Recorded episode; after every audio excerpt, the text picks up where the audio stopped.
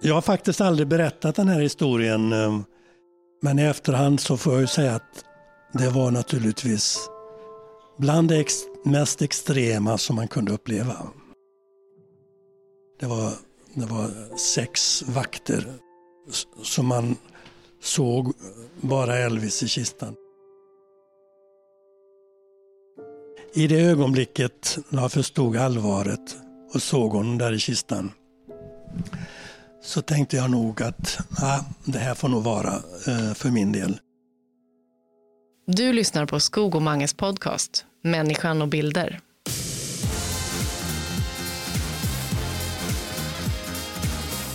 Ja, Jag skulle nog vilja prata med dig lite mer om Formel 1. Ja, ja, ja, men Så- det kan vi absolut göra. Det kan vi, måste vi göra, det är jättekul. Jag ska åka till Baku på onsdag. Oj då. Det blir dags. Men... Tänk att du har varit en James Hunt-kopia, då är det inte så roligt. Ja. Den coolaste av alla. Ska vi börja i den ändan helt enkelt för att få en liten rolig inledning här? Att Okej. En av de häftigaste fotograferna som Sverige tagit fram genom åren, Hasse Persson, sitter här i Hyssna och pratar med Mange Andersson som är en eh, framstående filmfotograf idag i Formel 1-svängen. Men du berättar ju Hasse roliga historier om hur du har blivit förväxlad med Formel 1-förare. Och då måste man komma ihåg att det är den coolaste Formel 1-föraren genom tiderna som du har blivit förväxlad med då. Ja, okej. Men jag visste inte faktiskt vem James Hunt var. Jag bodde ju i New York och eh, vi hade... Jag följde inte Formel 1 på det sättet mer än att jag ibland fick eh, fotografera Ronnie Peterson när han var ute i, i svängen. Så, men jag hade ingen relation till James Hunt av något slag. Så när jag skulle fotografera under fotbolls-VM i Argentina 1978 och sitter på en nattklubb, inte ett ont anandes, så kom, hör vi hör plötsligt en, en trumvirvel. Och så kommer en spotlight på mig, jag satt ganska högt upp. Eh, eh, och eh, jag blev ju jättechockad och jättenervös och undrade hur fan ska jag nu bete mig? Jag tänkte jag måste resa mig upp. Så jag reste mig upp som en argentinsk diktator och vinkade till folket till höger och till vänster och så här. Och då, då alla nöjda applåderade. Och sen satte jag mig och undrade, vad fan var detta egentligen? vad var det? Och då så kom då hovmästaren fram efteråt, eller källarmästaren eller ägaren och sa att det är underbart att du är här och jag önskar dig lycka till nu på racet på lördag. Ja, och då klickar det till att Ja, då, då, men jag kunde ändå inte förstå att det gällde James Hunt, för jag, jag hade ingen bild av James Hunt. Nej, okej, okej. Men sen efter, veckan efteråt så skulle jag fotografera Formel 1 i, i Rio de Janeiro och satt på en nattklubb där tillsammans med ett gäng journalister. Och då kunde vi se Rod Stewart komma till samma nattklubb med sin fru Alana, tror hon hette.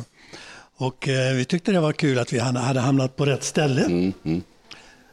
Och så efter några drinkar så kom det helt plötsligt in en flaska champagne från Rod Stewart som satt i ett annat rum.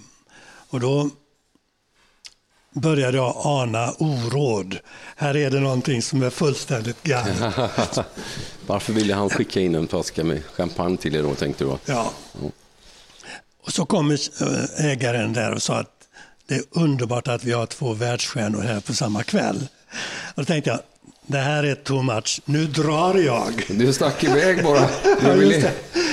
För jag ville inte bli konfronterad med den här verkligheten. Nej, ja, ja. Men så kom Rod Stewart och satte sig och de, mina journalistkollegor de höll masken och låtsades som att eh, Ja, ja, ja. det var Det var faktiskt Hunt James Hunt som satt där. Men tyvärr var han tvungen att gå och lägga sig och sova inför racet. Ja, eh, ja, på men det är ju fantastiskt roligt. Ju. Underbart. Men, men jag är nyfiken på, eh, det måste ju ha funnits flera tillfällen i din karriär där du faktiskt har varit en igenkänd världsstjärna för det, det är den gärning du har gjort.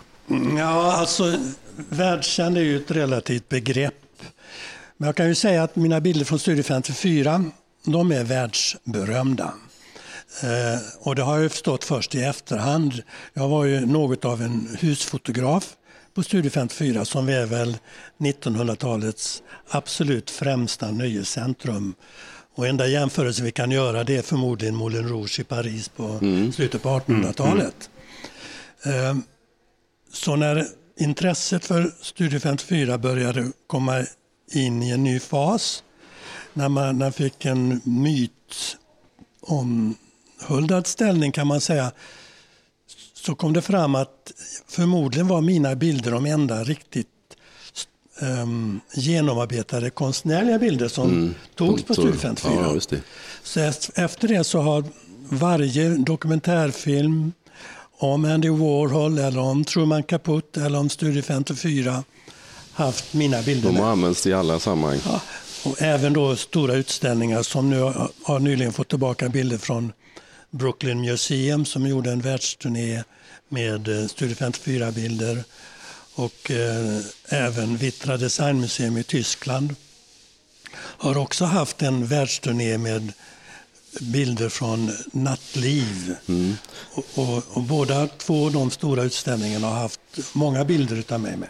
Men, jag har haft en framträdande roll helt ja. enkelt. Men hur kom det sig att, att du fick, vad, kom det sig att du som ena fotografen fick fritt spelrum där inne på Studio 54? Ja, det har jag också funderat på. Men ähm, ägaren Steve Rubell, han, hade, han ville skapa någonting som han kallar för en, en mixed salad. Han ville ha olika typer av människor. 20 procent skulle vara gay, eh, 5 procent, 6 procent skulle vara lesbiska tjejer för killar tycker om att se kvinnor kyssa varandra på dansgolvet. Sen skulle det vara en kvot med superkändisar, alltså förmögna människor, skådespelare, idrottsmän och så vidare. Sen hade han en kvot, en mindre kvot som han kallade för Eurotrash. Och det kan hända att jag kom in på Eurotrash första gången. Ja, okay, det kan det. Oh. Men sen, sen utan att jag egentligen visste om det så blev jag något av en hemlig medarbetare på Studio 54 enligt Steve Rubell. Då. Eh, att jag fick fotografera under ansvar. Han kunde lita på mig mm. att jag inte tog bilder på något som inte skulle mm, komma ut och sådär. Mm. Så eh, nu i efterhand har det visat sig att jag utan tvekan har den största eh, kollektionen av bra bilder för Studio 54. Och det, så jag kan säga att de bilderna är världsberömda, men jag vill inte säga att, att jag är världsberömd. Det kan jag inte säga. Jo, det är det såklart det. Det är, såklart det, är det. Ja, det, men om man tänker, hur, hur kom det sig att, var du där som gäst eller var du där som fotograf i början då? Eller hade, var du där på uppdrag för någon tidning eller hur var det du skulle dokumentera? Eller hur kom det till så att du började hänga där egentligen då? Jag kommer faktiskt inte ihåg. Jo, jag vet varför det började.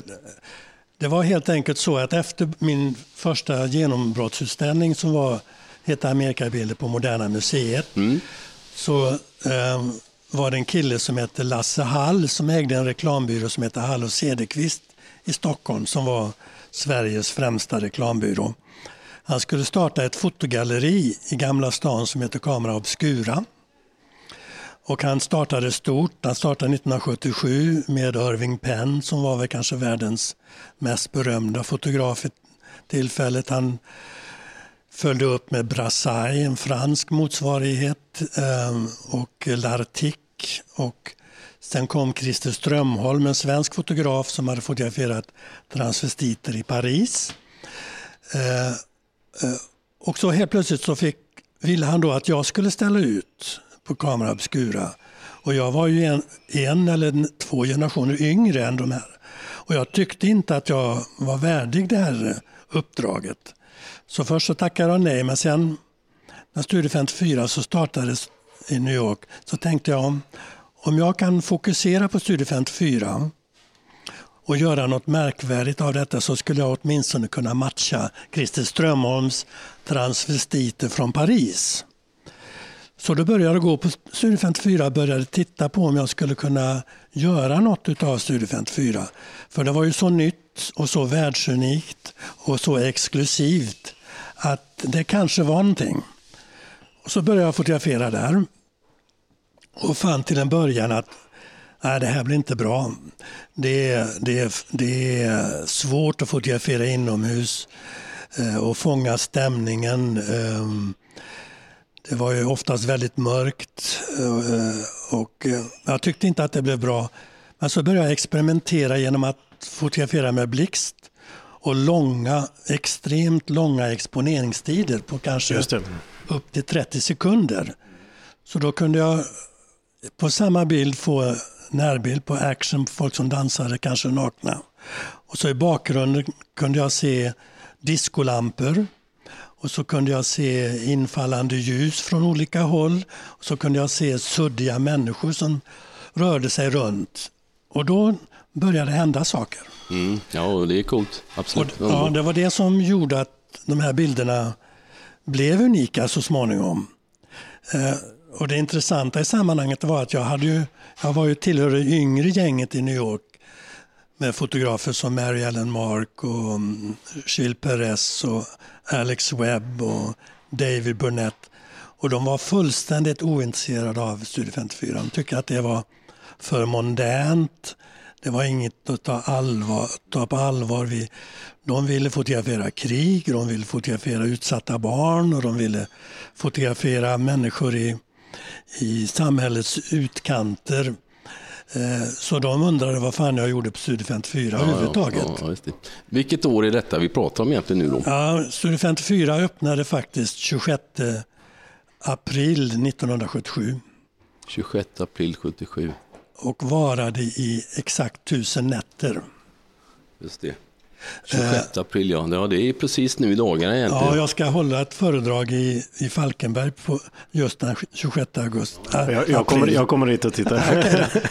Eh, så då, då, det blev skälet till varför jag förmodligen var då tämligen ensam om det här eh, men hur togs det emot då, sa du? För, förutom dina, dina vänner då, de kanske tyckte att det här var, det var vad, vad håller du på med? Men, men ja. Fick du användning av bilderna redan då? Eller var det... Ja, jag ställde ut dem på Kamera Obscura 79 mm. och det var absolut ingen succé.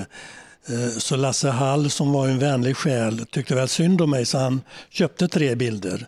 Men annars sålde ingen är det sant? Bilderna. Det var, togs emot svalt där i Sverige ja, då? och det var, det var eh, mycket politiskt så tillvida att Aftonbladet gjorde en ledarartikel om att det var rena skojeriet att sälja fotografier som konst. Jaha, menar det? Eh, det var lite grann samma motstånd som ABBA upplevde. Jaha. Att det, eh, det var spekulativt, det var kommersiellt och allt det där. Va? Så fotografi tog sig aldrig som um, samlarobjekt Jaha, på 70-talet. Tänk som det har ändrat sig som möjligt.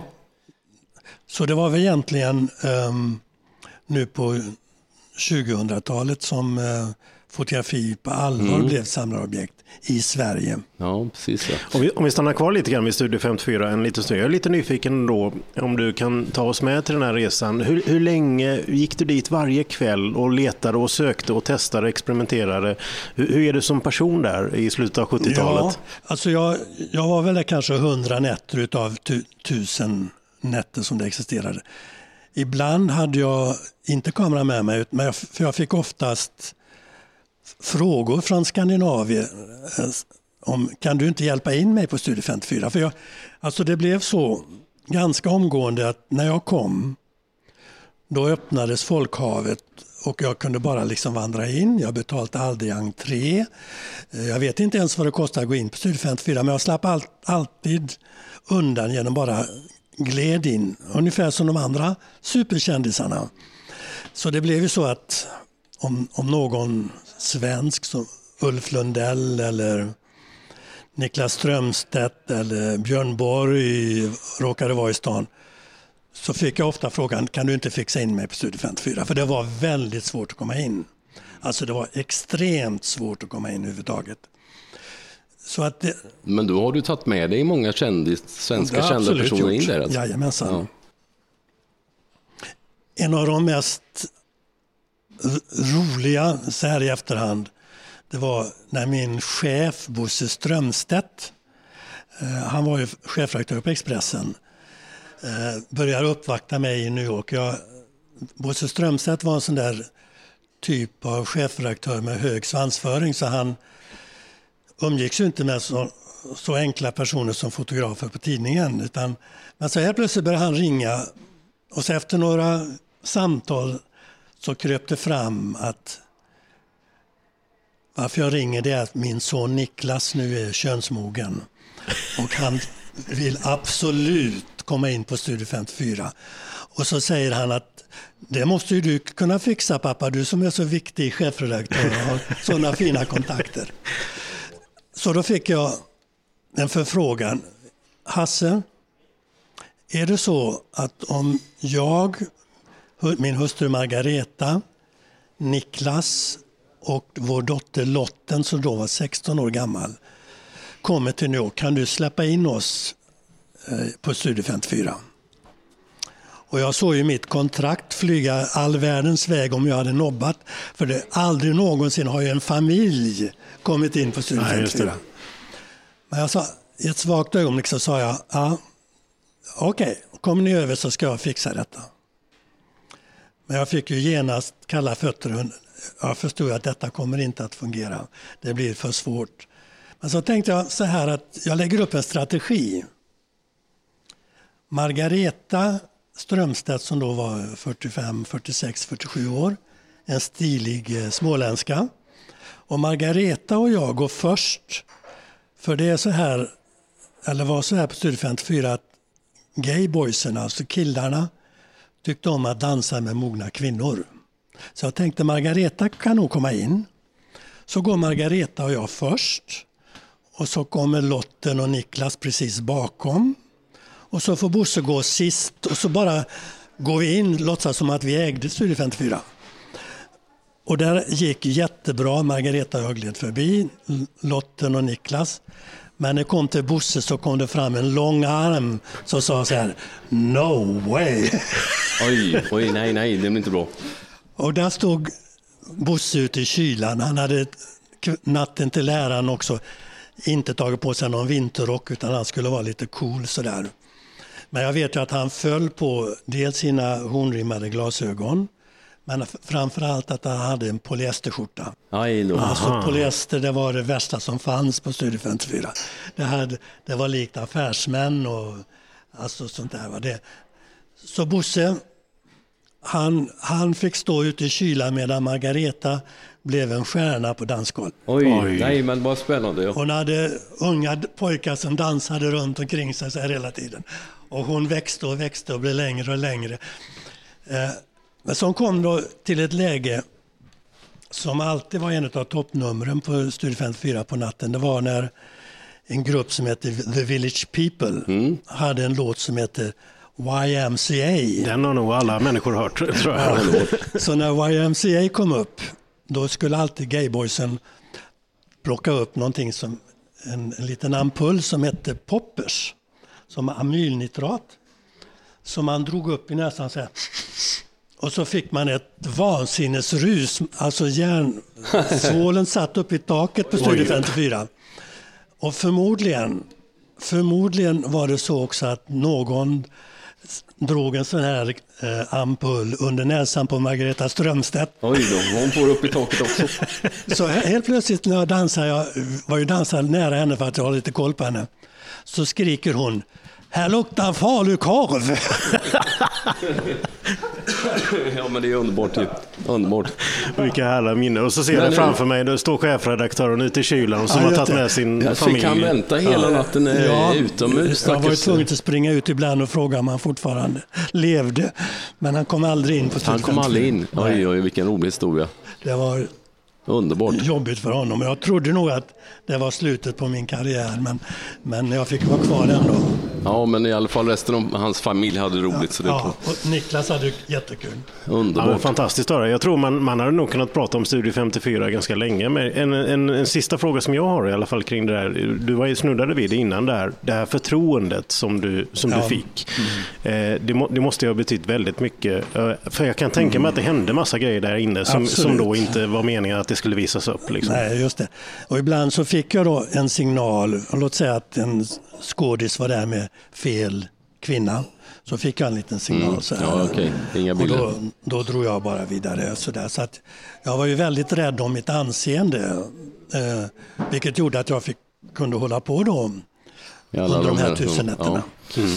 Men hur är det med, jag tänkte på alla de tusen bilder, alla de, var det svartvita negativ som man... Mestadels svartvitt. Har du, har, du, har du alla negativ sparat? Finns det liksom, det är ju hur mycket negativt som helst. Ja, jag, alltså jag har, på TTs arkiv finns det nog runt en miljon negativ som jag har tagit. Ja. Eh, och, men Studio 54 gjorde jag ju då som ett privat projekt. Eh, efter, det var då till, en, till eh, Camera Obscura, så de bilderna har jag behållit för mig själv. Men den här tekniken var så komplicerad. Alltså att bränna av en blixt och så hoppas då att Så långt belysningen slutar tiden. Så det var väldigt mycket svinn. Ja, okej. Så jag har plockat ut kanske utav eh, 5000 användbara negg så har jag plockat ut kanske 50-60 som är så absolut unika att ingen kan kopiera dem Nej, nej, överhuvudtaget. Nej. Och det, själva idén fick jag faktiskt från Charlie Parker eh, som sa så här att jag ville vara så komplicerad och så svår att kopiera så no white motherfucker kunde imi- imitera mig. Nej, just det. Ja, det är, det är spännande. Ja. Och lite grann var det som mina Studio Studio 54-bilder.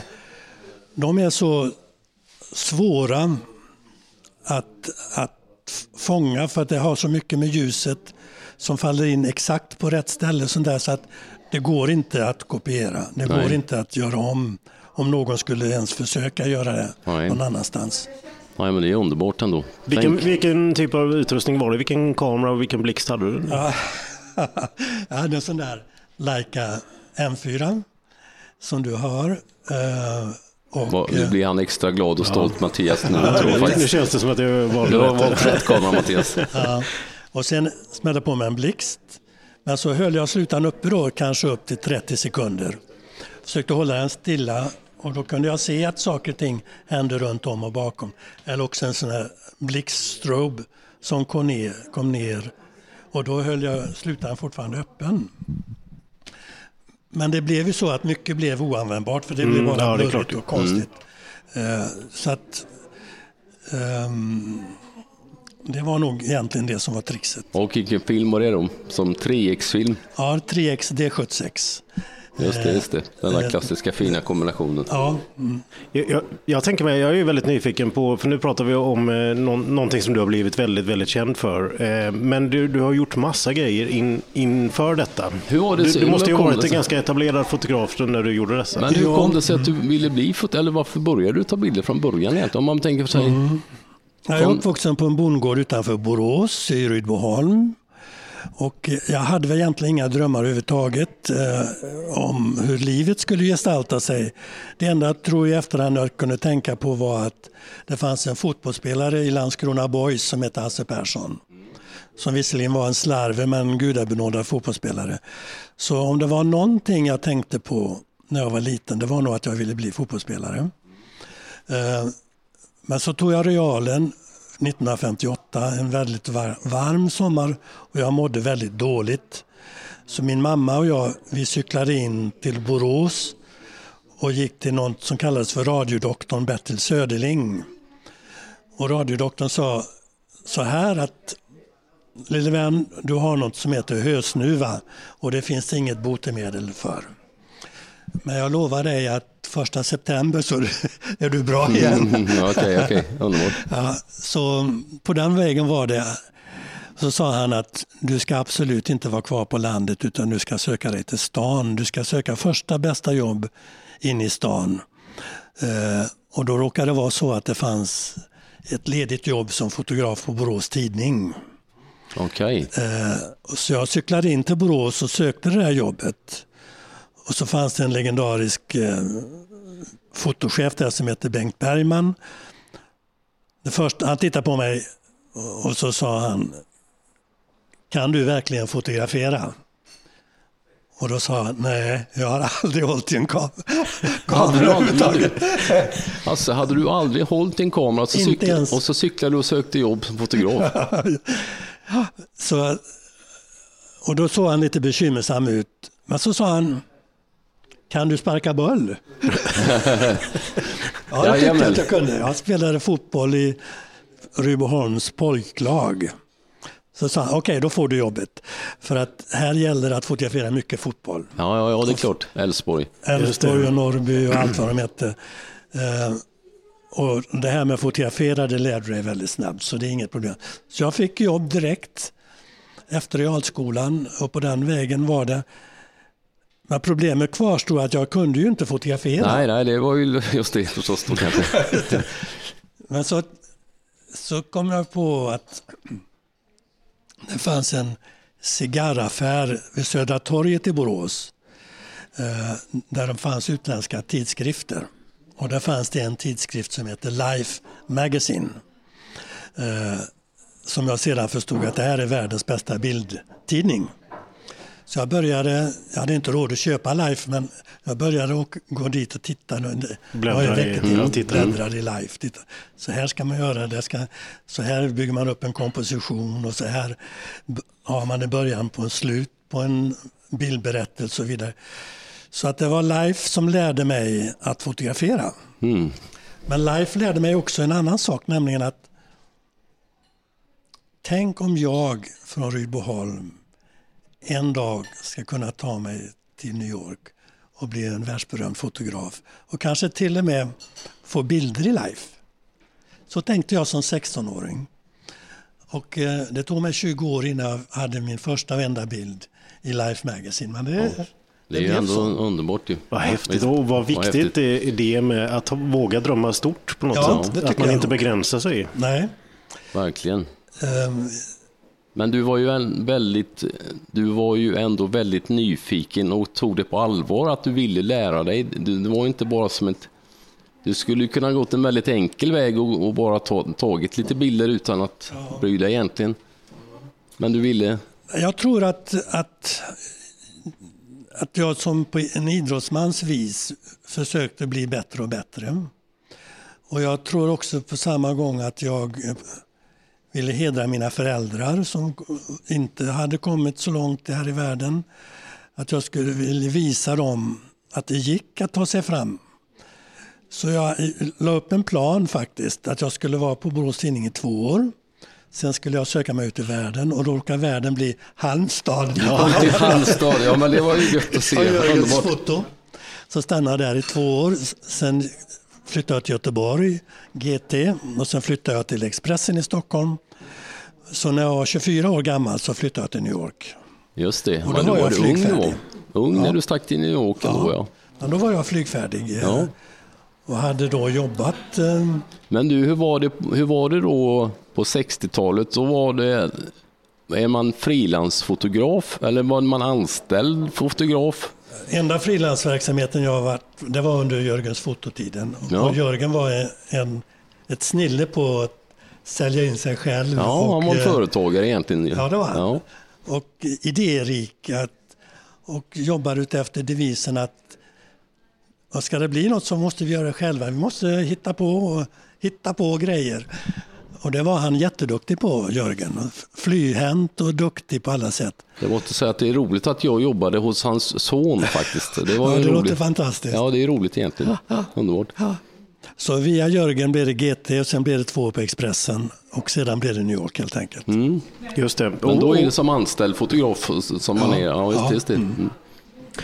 Och när du kom till New York där eh, och USA, vad hade, vad hade du i kikan då? Och vad var ambitionen? Vad ville du göra? Mm. Varför ville du dit? Ja, det var Life Magazine. Alltså, jag visste ju att New York var centrum i världen för fotografi. Där fanns Museum of Modern Art, där fanns International Center of Photography och sådär. Jag visste att det var New York som gällde i fotografiska sammanhang. Så jag ville dit så fort som möjligt. Och på den resan blev det. Men jag sedan kom till New York så hade jag varit där kanske i 14 dagar. Så gick jag en dag på Fifth Avenue, som är Paradgatan, och gick där bland hundratusentals människor mitt i lunchen. Och när jag kom till Fifth Avenue och 47 gatan så slog det ner en blixt i huvudet på mig. Nämen. Oh. Och blixten sa, Hasse. Ja, ja, det var ingen riktig blixt. jag tänkte att jag fick en blixt Om du ska klara dig i New York så är det bara upp till dig själv. Här finns det ingen, inte någon, som kommer lyfta ett finger för dig. Utan nu måste du göra det själv. Och det var en befrielse för att jag tror att som svenskar lever vi oftast med drömmen att någon annan ska upptäcka en. Mm, mm. Man ska bli hjälpt på vägen, att man ska inte behöva anstränga sig sådär. Men när jag gick där på Femte Avenyn så förstod jag, nej, här är man ensam. Ensam, ensam, ensam. Och det, det gjorde att jag kände att nu får jag verkligen ta i, nu måste jag verkligen anstränga mig. Så, så det blev startskottet att jag körde samma idé som i Halmstad. Det gällde att hitta på grejer, skapa kontakter, skapa kontaktytor, telefonnummer, adresser och, och göra det själv. Så du åkte över till New York eh, utan något som helst kontrakt eller någonting? Du ville bara dit för lives och, och sälja ja, bildvisa? Ja, ja, alltså Expressen som jag då lämnade i Stockholm, de lovade att jag skulle få fotografera åt Expressen. Så Expressen var eh, en ekonomisk ryggrad, även om det var ganska blygsamt. Men jag gjorde min första bok om New York redan eh, eh 1968. Jag kom dit 67 på hösten och gjorde min första bok redan 68. Och det var egna projekt. Jag kände att det är inte tillräckligt att jobba på en dagstidning utan jag vill börja göra böcker, jag vill göra museiutställningar och sådär. Så det var min ambition. Mm. Det var ju en väldigt intressant tid i världshistorien överhuvudtaget och kanske då framförallt USA under den här tiden. Nu vet jag, eh, du sa vilket år du kom dit, var det 66? 67 då. 67. Ja. Eh, nu kan jag inte all historia här, men så småningom så kommer det ju Vietnamkriget, ja. stora demonstrationer och, och jag vet ju, fick ju titta i din bok här, Amerika, bilder. Eh, det hände ju otroligt mycket spännande. Kan du, kan du beskriva lite grann, hur, hur var stämningen i, i landet och framförallt New York då under mm. den här tiden? Alltså, redan då 1968 så mördades eh, Martin Luther King i april 68. Sommaren 68 mördades Robert Kennedy. Eh, Vietnamkriget brann som bara den. Så det var en väldigt dramatisk tid i USA. Eh, och det var väl kanske Vietnamkriget som dominerade unga människors intressen och engagemang. Och, eh, och faktum var att jag bad Expressen att få åka till Vietnam 1971 och jag betalade resan själv faktiskt. För att jag ville se med egna ögon vad som hände. Så att det var, det var en dramatisk tid eh, i USA. Eh, Nixon avsattes, eh, eller avgick, eh, också 74. Så att det, det, det blev hela tiden mycket uppdrag att göra. Eh, och det var väl det som gjorde att jag kom igång väldigt bra eh, med mitt fotograferande i USA. Men sen, jag lockades också av Fine Art Photography, alltså jag förstod att det fanns en värld bortom pressfotografin och bildjournalistiken. Så jag drogs åt det hållet och det var väl min smala lycka egentligen. Så jag, jag hade egentligen två ben att stå på. Dels att göra böcker och museiutställningar och dels att jobba eh, med, för, Nyhetsbilder också. Ja, för att tjäna pengar. Det andra tjänar man inte så mycket pengar på. Just det. Gick det någonsin, eller det kan jag tänka mig att det, man kombinerar det ibland. Om man, har, om man är en artist som, som tänker och ser bilder och bildspråk på ett annat sätt. Nyhetsbilderna måste ju ha varit väldigt bra också. Ja, men det, det, blev nog lite grann så att, att de korsbefruktade varandra. Ehm, så när, man, när jag tänker efter min, min stil, om man kan prata om någon stil, så var det nog en, en dokumentär stil. Ehm, alltså att det var en blandning mellan egna känslor, egna uttryck och en verklighet som låg där ute. Men hur var det, du jobbade Jobbar du jämt då? Ja. Alltså, du måste kunna, det måste vara en stor efterfrågan på bilder på den tiden ändå. Jag vet inte. Jo, det var det. Det var, var, det var inte så mycket fotografer som, kanske som konkurrerade om jobben på, som det är idag kanske. Det måste ha ändrat sig eller? Ja, det var en väldigt stor skillnad. Jag var väl egentligen den fotografen som personifierade svensk fotograf i USA. Jag, var, jag kan säga att jag var ensam på banan. DN gjorde någon eh, reportage när jag ställde ut om det var på Moderna Museet eller någonstans. Och rubriken var ah, Svensk mästare på amerikanska bilder. Alltså det var, det var lite grann så, så som det var. Att, att jag var ansiktet utåt. För bilderna som kom från USA, ja. ja. Jag är lite nyfiken på vilken taktik eller strategi hade du? För du kom ju så oerhört nära. Jag har ju sett många eh, fina bilder. Nixon till exempel. Du kom ju mm. väldigt nära mm. USAs ja. president i avgörande ögonblick och så vidare. Ja. Hur, hur jobbade du? för att... Alltså jag, jag förstod ju ganska tidigt att man måste projicera sig. Alltså, att vara svensk och jobba för Expressen, det var tämligen okänt. Alltså Sweden, eh, jag kommer ihåg en gång när jag skulle resa med som poolfotograf med presidenten eh, Ronald Reagan. Och då blir man introducerad till presidenten för då är man så här nära.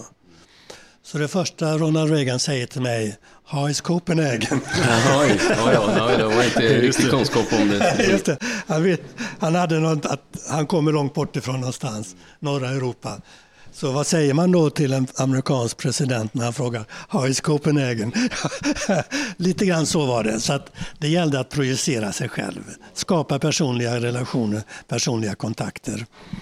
Och i idrottsvärlden gick det bra. Jag blev tidigt nära vän med Muhammad Ali. Till exempel. Jag fotograferade honom första gången i London 1966.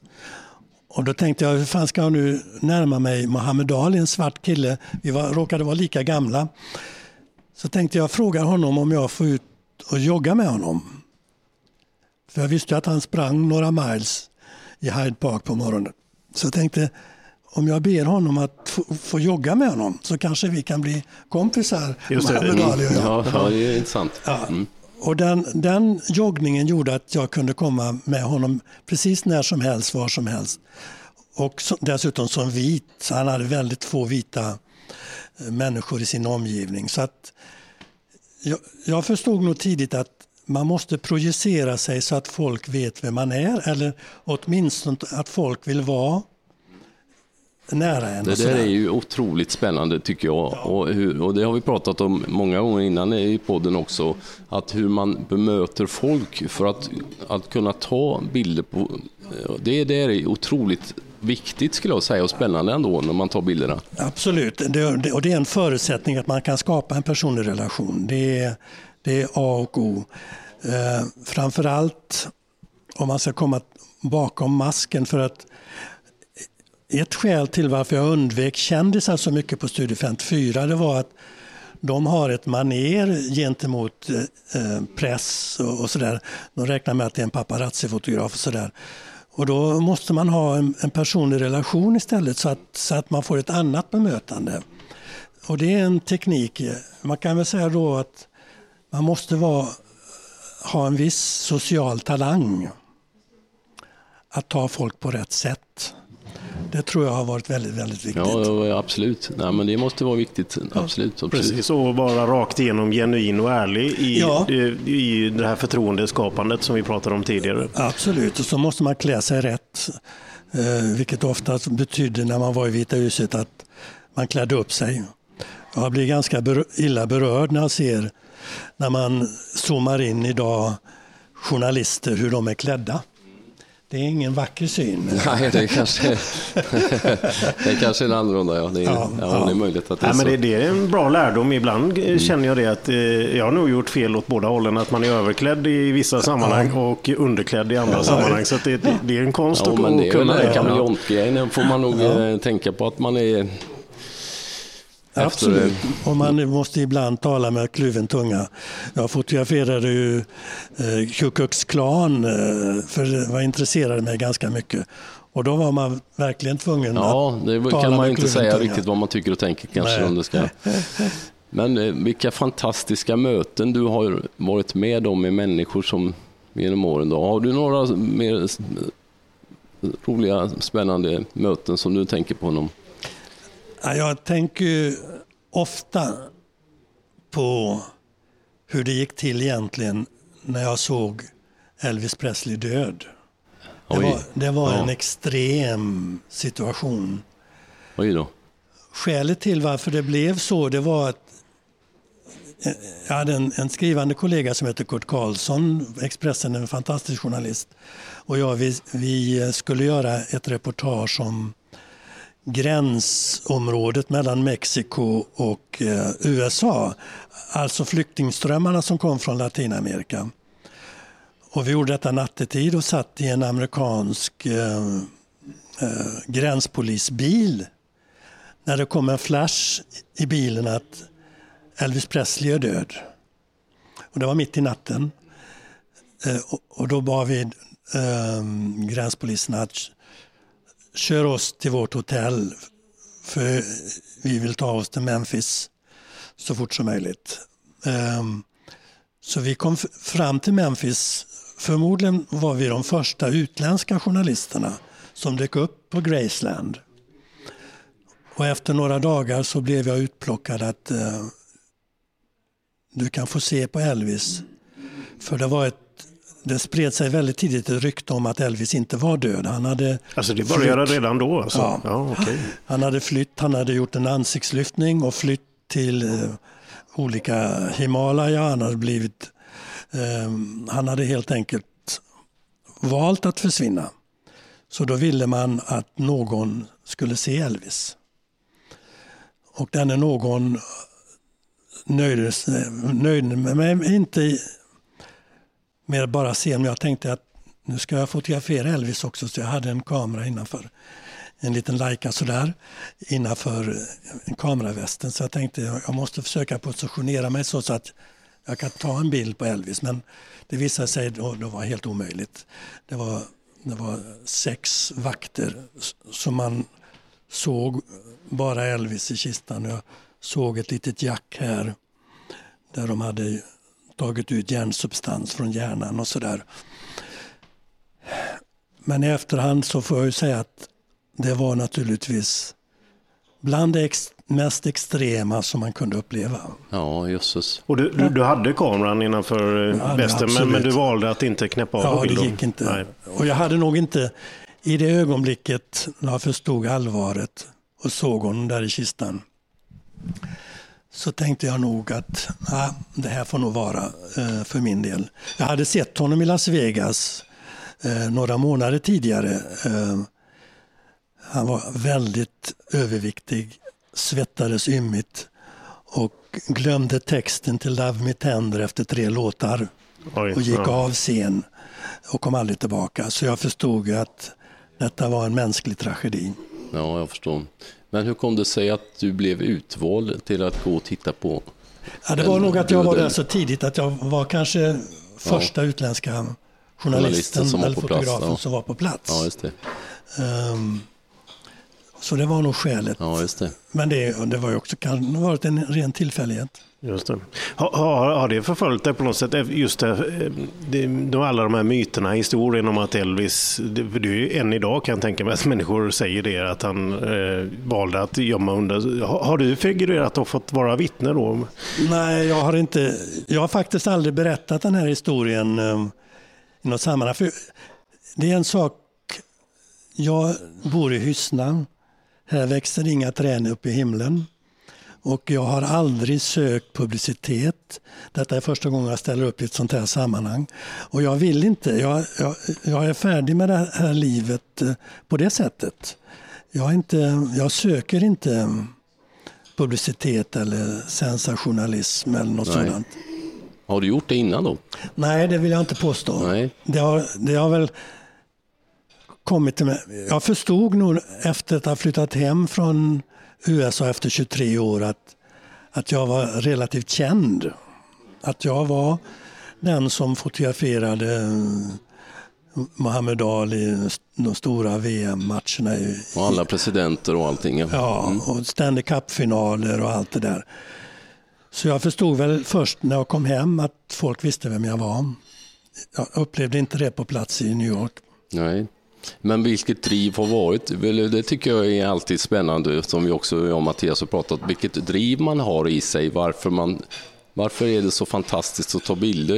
Jag, jag tycker ju att jag tycker det, det är jättekul att ta bilderna, men för min egen del så tycker jag att, att man är, det är någon slags publicist som man är. Man tar bilderna och så vill man visa upp dem för människor, så är det i alla fall för mig. Ja, det tror jag. Det tror jag nog är en, en väldigt stark drivkraft. För min del, i och med att jag rörde mig i New York bland andra fotografer som var berömda var en på sitt håll, så tror jag också att det fanns en intern, inte konkurrens, vi konkurrerar egentligen inte, men vi ville försöka göra så bra ifrån oss som möjligt. Så det var nog en drivkraft för mig Man att kunna matcha. sparade varandra kanske? Ja, det kan man gott säga. Mm. Mm. Just det, just det. Just det. Det är fantastiskt. Jag tänker, den här, vi nämnde det lite grann eh, tidigare, serien Amerikabilder, ja. som är ett fantastiskt, alltså en serie. Kan du berätta lite grann om, hur, var, var det en tanke som, som kom till dig först eller var det ett resultat av mångårigt arbete och att teckna ett porträtt över detta väldiga? Mm. Alltså, jag vet inte riktigt eh, vad jag ska säga. Jag fick ett erbjudande av Moderna Museet att göra en utställning. Så det var, ju, det var helt enkelt min debututställning. Och sen var väl det att jag var ansiktet utåt bland svenska fotografer som var i New York. Så att det var nog att försöka samla på sig det bästa av det jag hade gjort um, fram tills dess. Um, så det, det, det var nog en ett tidsfönster som jag skildrade under en ganska koncentrerad tidsperiod. Just, just det, så min, min, fråga kanske egentligen var, det var ingenting du tänkte på under tiden du arbetade med att Nej. det här blir en bra serie som kan Nej. bli en utställning och så vidare? Nej, Nej, det kan jag inte säga. Men min stil gick från att vara pressfotograf, bildjournaliststil till en mera fine art-stil för mina kollegor Eh, det fanns en som heter Gary Winogrand som var amerikansk mästare på gatufotografi. Att, att jag gled över mer och mer och tittade på hur gjorde han sina bilder. Så jag gick längre och längre bort ifrån pressfotografi och det är jag väldigt tacksam för. Varför det? Alltså, pressfotografi i sig är en dagsländeverksamhet bilderna lever ett dygn eller ett par dygn, sen är de försvunna. Eh, medan då om man försöker att gå bortom detta att ge det ett personligt uttryck så har det en mycket, mycket längre livslängd. Det kanske är ännu värre idag än det var på 70 80-talet med dagspress kan man tänka sig att det ja, alltså mycket det, bilder som man ser hela tiden nu. Det är, man kan väl säga att över hela världen så har man monterat ner bildjournalistiken och pressfotografin. Nu kan egentligen vem som helst som har mobilkamera fotografera väldigt mycket men det var så var det ju inte förr i världen. Nej, nej, det var lite krångligare såklart. Absolut. Hur, hur, känner du inför det faktum eh, med hur ehm, ja, fotograferandet, fotografi, det seriösa fotograferandet, hur det, hur det är ställt med det idag? Om vi tar ursprunget i Sverige då. Liksom. Mm, ja, det är ju problematiskt att um, vi har ingen nationell policy över hur vi ska bevara våra fotografier. Alltså det, och det gäller ju från det att man kastar familjealbum på sophögen för det är ingen som vet vad som förekommer på bilderna till den analoga fotografin. Jag har kanske en miljon fotografi, negativ på, på TT i Stockholm och om 25 år så är det ingen som vet vad som finns på bilderna. Och, och så är det ju hela tiden att vi har inte någon bevarandeplan. Vi har inte heller något nationellt museum för fotografi. Så att det är väldigt svårt att um, vara positiv till hur fotografin utvecklats i Sverige. Ja, det har jag inte tänkt på, men det där är ju hemskt med alla negativ som finns som inte tas vara på. Det är ju Exakt. hemskt. Ja, det är ju inte bra på något sätt. Hur ser det ut i övriga världen? Finns det andra som är mycket bättre än Sverige på detta?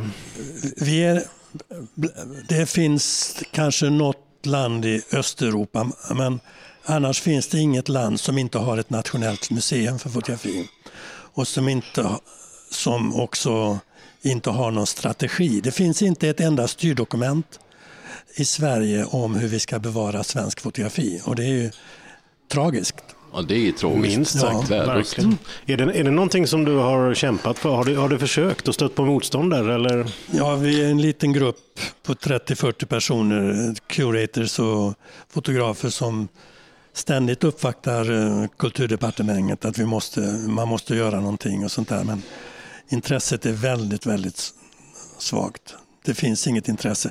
Ofta så använder man sig fotografiska som ett exempel. Vi behöver inte ge pengar till fotografi för fotografiska klarar sig jättebra som det är. Så varför ska vi stödja fotografin? Fotografin får leva på egna villkor. Och så funkar det inte i verkligheten för det finns ett behov av att vi måste bevara. Ännu värre med digitala bilder. Vem ska ta hand om de bilderna? Miljarder bilder om 25 år. Ja, det, det där får vi snoka vidare. Det var ju, o, ja, men det var ju jag har inte eh, riktigt förstått att det är så. Det var ju otroligt tragiskt.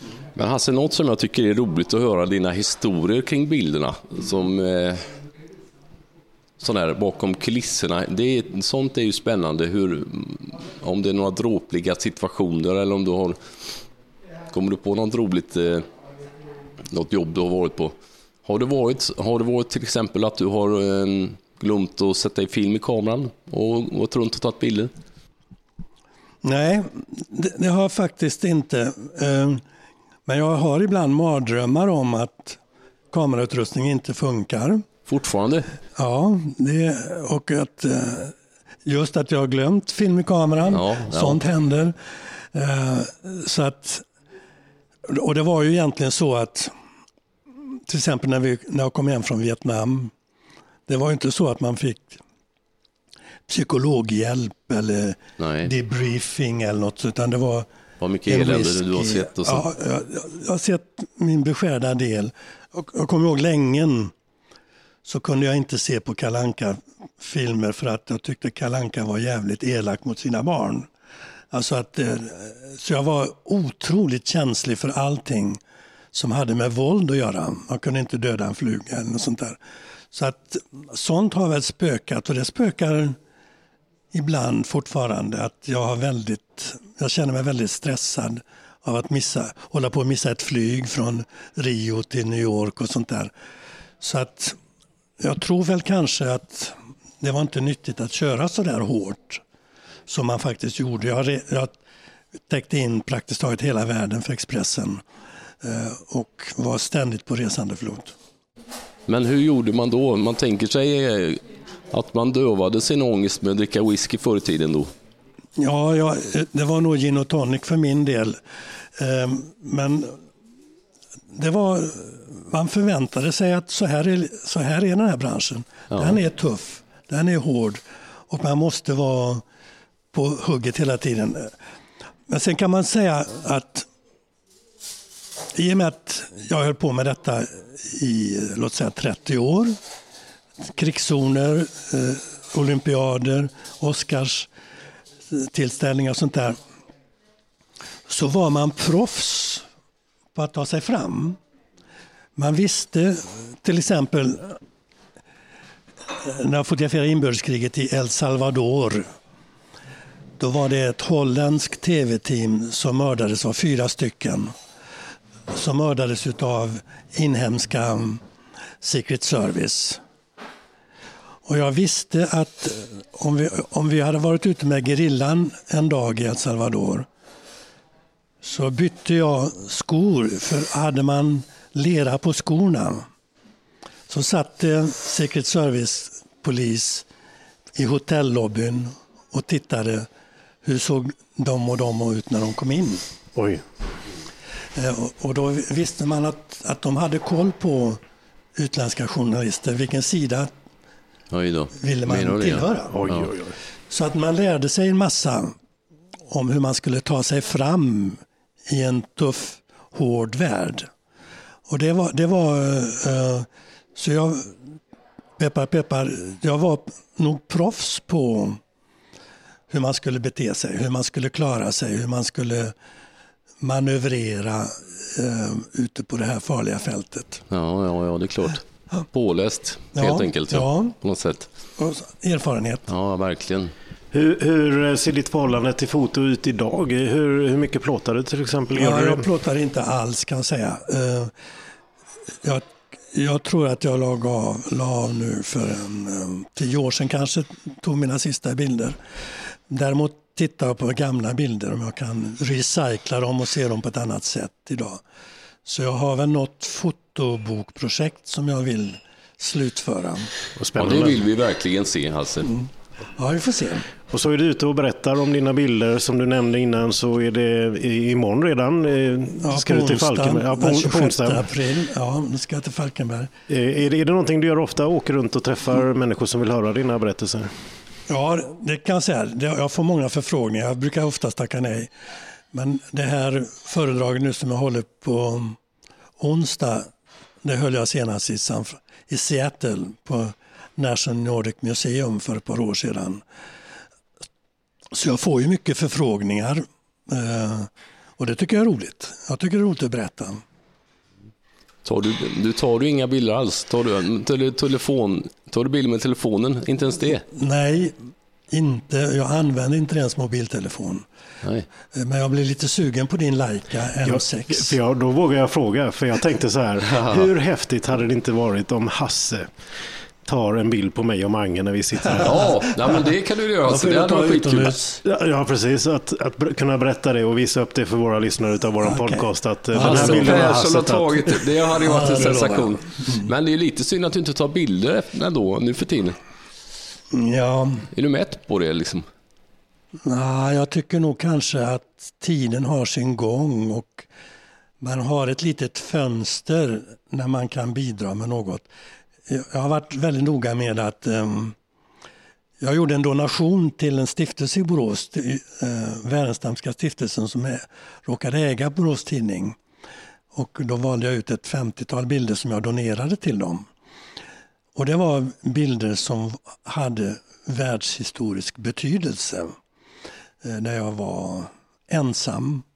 Kanske en bild föreställde Margaret Thatcher och Ronald Reagan promenerandes i The Oval Office, äh, i The Rose Garden i uh, Vita huset. Uh, en bild föreställde när Olof Palme mötte Fidel Castro på Kuba mm. 1975. bild också. Mm. Så det, jag har plockat ut kanske ett 50-tal bilder som jag tror kommer att överleva mig. Men att de ska finnas kvar i något förvar. Det är väl så som jag tänker. Men det måste, vara en, det, det ju, måste ändå vara en fantastisk känsla att, att ha tagit sådana här bilder som kommer överleva för alltid. Ja, det, det, det tycker jag. Och det, där, nu är det väl egentligen så att jag känner att det finns två Hasse Persson, han som en gång i världen jobbade ute i fältet på fotograf och nu en äldre man som sitter och tittar tillbaka och försöker analysera vilka bilder kan tänkas vara unika.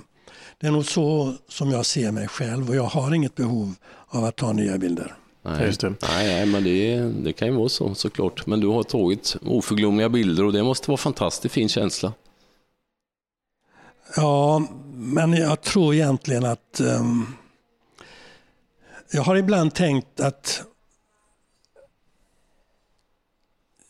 det var, fanns en tid när jag hade till och med vicepresidenten George Bush personliga telefonnummer i min telefonbok. Jag tyckte det var fullständigt naturligt att jag hade George Bushs telefonnummer. Skälet till varför jag hade det var att han ville så ofta som möjligt spela dubbel med Björn Borg. Och jag visste ju alltid var Björn Borg befann sig någonstans och då kunde George Bush ringa och säga vad är Björn ut? Jag skulle vilja spela dubbel med den och den presidenten och då skulle det vara kul om Björn var med. Ja. Och därför hade jag då Ja. George Bushs telefonnummer. Ja. Och nu när man sitter hemma på verandan i Långared i Hyssna och säger vad fan hade jag för nytta av George Bushs telefonnummer idag? Nej, men ju, när, man, när du tänker på det så är det ju fantastiskt egentligen. Måste det vara. Ja, men man, det, det, samtidigt är en aktiv människas fönster där man kan uträtta något är väldigt, väldigt kort. Eh, och jag, jag känner att nu är fönstret stängt. Det var, det var dåtid på något sätt.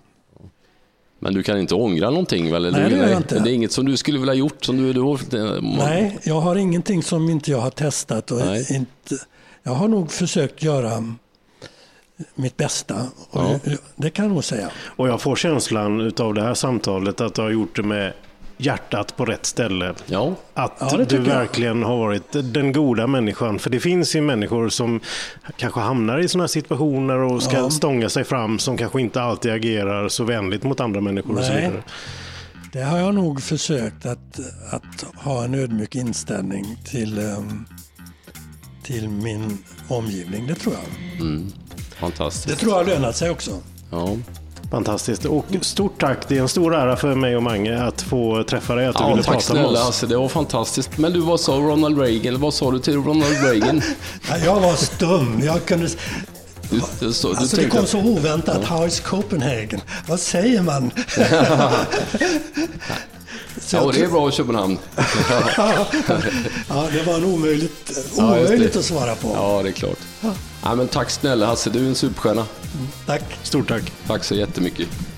Du har lyssnat på Skog och Manges podcast Människan och bilder. Hör av dig på Instagram.